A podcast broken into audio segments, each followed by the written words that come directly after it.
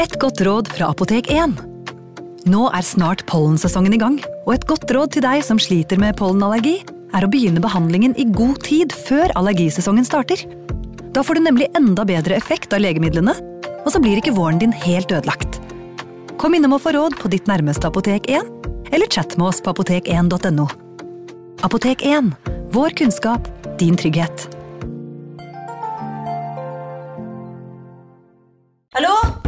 Oslo politikammer. Ine Jansen er purk. Er du purk? The motherfucking bitch. Alt jeg vil, er å finne ut hva som skjedde med mannen min. Jon Carew. Er jeg sikta for noe? Iben Akeli. Det er du.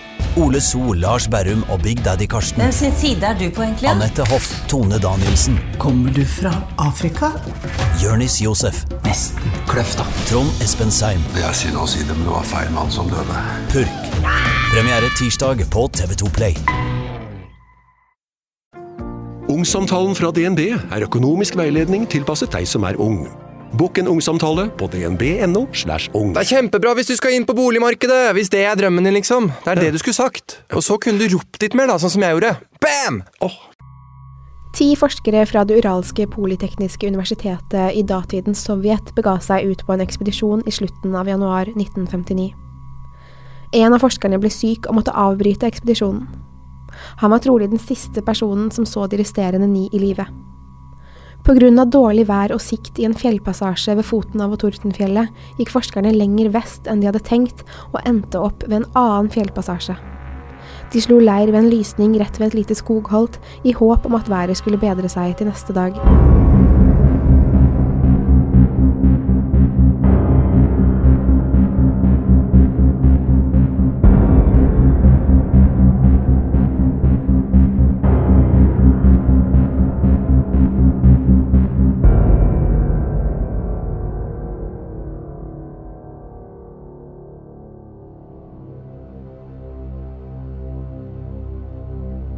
Den 12. februar skulle forskergruppen ha kommet tilbake til den lille fjellbyen Visay og sendt telegram tilbake til universitetet.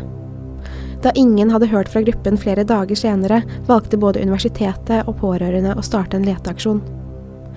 Politiet og de sovjetiske militære ble også med i søket etter forskerne. De fant til slutt gruppen, men alle var døde, og omstendighetene var merkelige og unaturlige. Etter obduksjonen av likene kunne militærlegene fastslå disse skadene og bevisene. Seks av forskerne frøs i hjel, og de andre hadde dødelige indre skader. Det fantes ikke tegn på at noen andre mennesker enn forskerne hadde vært nær campen. Teltene var skåret opp innenfra. Forskerne hadde dødd seks til åtte timer etter at de hadde spist. Fotsporene rundt campområdet indikerte at alle ni flyktet eller løp fra teltet til fots. Flere hadde knuste ribben. En av kroppene manglet tunge og øyne. Alle hadde massive indre skader, som man ofte ser i bilulykker. Klærne til to av forskerne var radioaktive. Huden deres var gulbrun og håret hvitt. Skadene på kroppene var såpass alvorlige at de som etterforsket saken, ikke klarte å finne noen teori som passet. Jeg kommer nå til å gå gjennom de mest omtalte teoriene om hva som skjedde med forskerne. Jeg vil presisere at dette ikke er mine eller True Crime Poddens teorier, og at vi som jobber med denne podkasten ikke nødvendigvis mener eller tror på det vi skal ta opp her.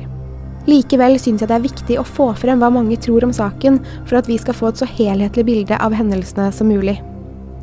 Alle teoriene i denne episoden er godt dokumenterte av de som mener teoriene stemmer, og det er også laget mange dokumentarer om både hendelsene og teoriene, som du f.eks. kan se på YouTube. Nå som det er sagt, la oss se på de forskjellige teoriene som kommer til å bli tatt opp i denne episoden. Yeti-angrep. Ufo-angrep eller angrep av et overnaturlig vesen. Militæret skjøt en missil som feilaktig traff campen til forskerne. De ble drept av infralyd. Snøskred. Hypotermi. La oss først snakke om yeti-angrepet. Yeti er det samme som Bigfoot, eller Sasquatch, altså et enormt apelignende vesen som gjemmer seg i dype skoger både i Nord-Amerika, Sibir og andre steder i verden, ifølge de som påstår å ha sett en. Siden sedertreet hadde store skader i barken og at de tykke grenene var knukket helt i fem meters høyde, mente mange at det måtte være en yeti som hadde angrepet dem. Yetien er større enn mennesker og kan derfor ha angrepet forskerne og skadet treet i et forsøk på å få tak i forskerne, siden det så ut som de hadde klatret i treet. Ok, så om et stort vesen ville ha skadet forskerne, hvorfor hadde de da ingen ytre skader, kloremerker eller bitemerker som ville vært naturlig om f.eks. en yeti hadde angrepet dem? Yetier er store, men de er ikke fire-fem meter høye. De er kanskje rundt to og en halv, tre meter høye. De er også vegetarianere. De lever på planter, bær, frukt og grønnsaker. Hvorfor ville en yeti da ha angrepet disse menneskene? De var høyst sannsynlig inne i teltet sitt Kanskje de til og med sov med tanke på at flesteparten bare hadde undertøy på seg. De som tror på gjeter, mener at de kun angreper hvis de føler seg truet. Kan de ha følt seg truet av et telt? Det er ikke så veldig sannsynlig med et yetiangrep, ei heller med et annet villdyr. Det er jo ikke fastslått at yetier engang finnes, og pga. mangel på ytre skader holder verken rovdyr eller yeti-teorien i denne saken. Så hva med ufo-angrep, eller det at de ble angrepet av et overnaturlig vesen? Denne teorien er den som flest konspirasjonsteorifanatikere mener stemmer, og det finnes veldig, veldig mange YouTube-dokumentarer om hvorfor akkurat dette er den mest sannsynlige teorien. Som nevnt i forrige episode hadde to av forskerne radioaktive klær. Det er jo litt merkelig at klærne til kun to av forskerne hadde radioaktive klær, og ikke resten. Dette kan forklares med at de to forskerne faktisk jobbet med radioaktivitet på Det polytekniske instituttet, og det var derfor ingen av de andre hadde spor av radioaktivitet på seg, siden de ikke hadde vært nær en slik stråling. Men de grønnaktige lysene og lyssirklene eller orbene som ble observert samme kveld eller natt som forskerne døde, hva med de? Flere mennesker mener de så slike lys, som om det var en slags eksplosjon på stedet der forskerne var.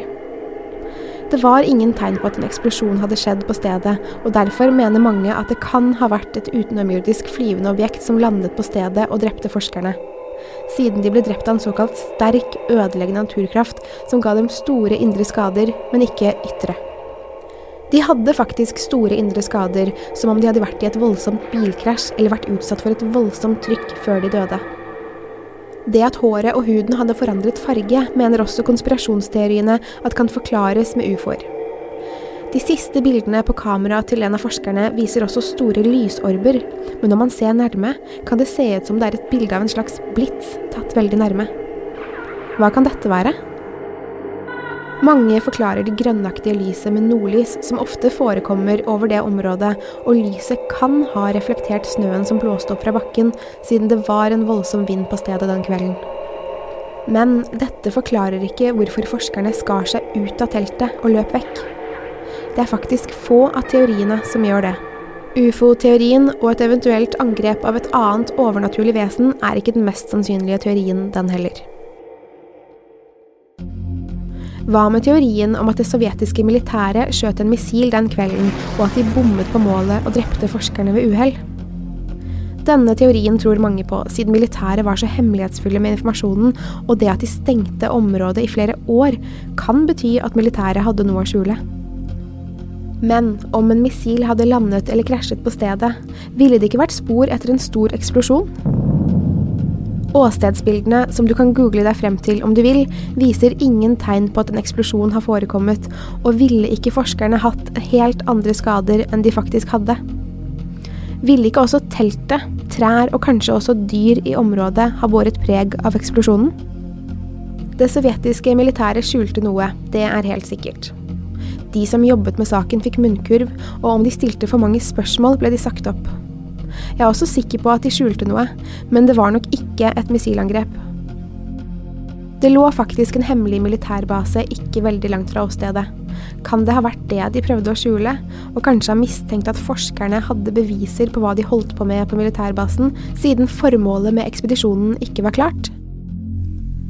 Så har vi teorien om infralyd, en teori som kom frem i 2013 etter at forfatteren Donny Achar i boken Dead Mountain skriver om en slags lyd som transporteres med vinden og kan skape store smerter psykologisk i mennesker og dyr.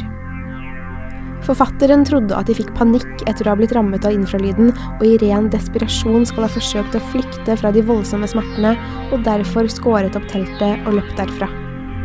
Da de var langt nok unna infralyden, skal smertene ha avtatt, og de hadde kommet til seg selv igjen. De var såpass langt unna at de i stummende mørke og med den bitende kulden ikke skal ha funnet veien tilbake igjen til teltet. De forsøkte så å tenne et bål, men frøs i hjel. Forfatteren trodde også at de indre skadene kan ha vært forårsaket av at de hadde falt ned fra trærne, eller kanskje slått seg på store steiner. Hva tror du? Teorien om snøskred er også en av de store teoriene.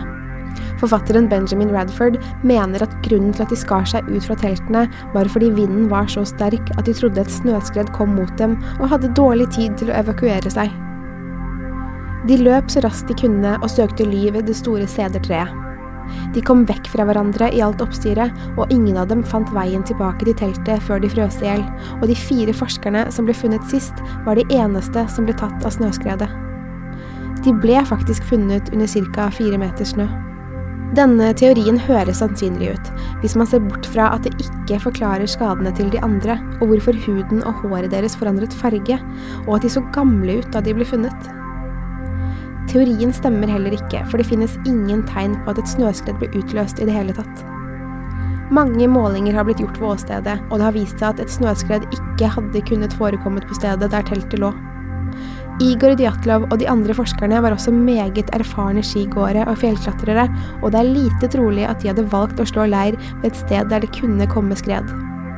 Teorien om snøskred er derfor ikke sannsynlig. Så til den siste teorien, nemlig hypotermi. Jeg nevnte kort denne teorien i forrige episode fordi det kan forklare hvorfor de hadde så lite klær på seg. Når kroppen utsettes for hypotermi, sender hjernen falske signaler til kroppen om at den brenner. Personen som opplever hypotermi, føler seg så varm at trangen til å kle av seg for å kjøle ned kroppen er stor.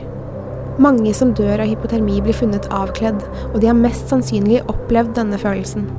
F.eks. en som faller gjennom isen, vil kjenne på akkurat dette fenomenet etter at de har kommet opp fra vannet. Kan forskerne ha forstått at de var i ferd med å bli nedkjølt og forsøkt å lage bål for å få varme, men ikke blitt varme nok og dermed blitt rammet av hypotermi og dødd? Det kan forklare både bålet og den tynne bekledningen, men ikke skadene. Heller ikke hud- og hårfargen. Eller hvorfor de flyktet fra teltet i all hast. Det nevnes i rapportene at rettsmedisinerne trodde de kunne ha frostet i hjel, og det høres ut som flere av dem gjorde det.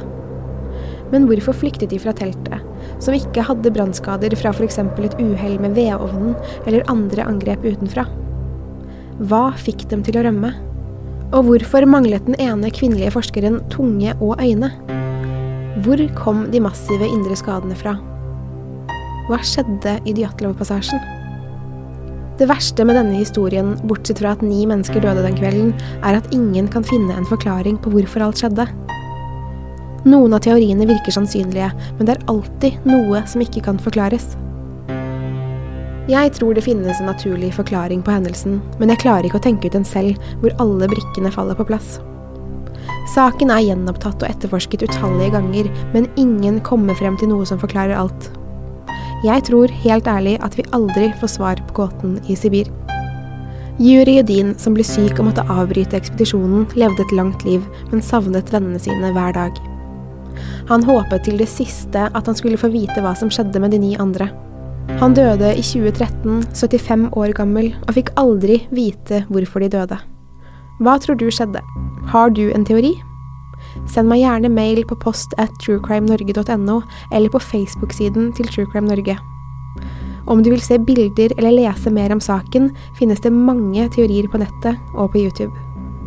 Vi i True Crime-poden lar teoriene ligge for denne gang, og gjør oss klare til å gi deg nye, spennende historier i de kommende episodene. Til neste gang, takk for at du har hørt på True Crime Podden.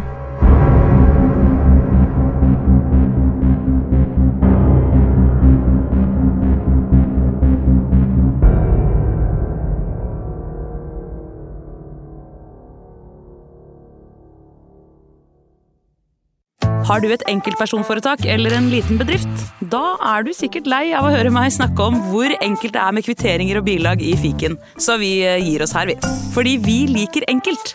Fiken superenkelt regnskap. Hei! Takk for at du lytter til True Crime Podden. Skulle du ønske at du kunne høre en ny episode av denne podkasten hver eneste uke? Vel, da er det bare å laste ned podkastappen Untold med en gang. I tillegg til ukentlige episoder av podkaster som Skrekkpodden, Synderne og Henrettelsespodden, får du masse annet reklamefritt og eksklusivt innhold. Last ned Untold i AppStore eller Google Play, og start din 30 dagers prøveperiode i dag.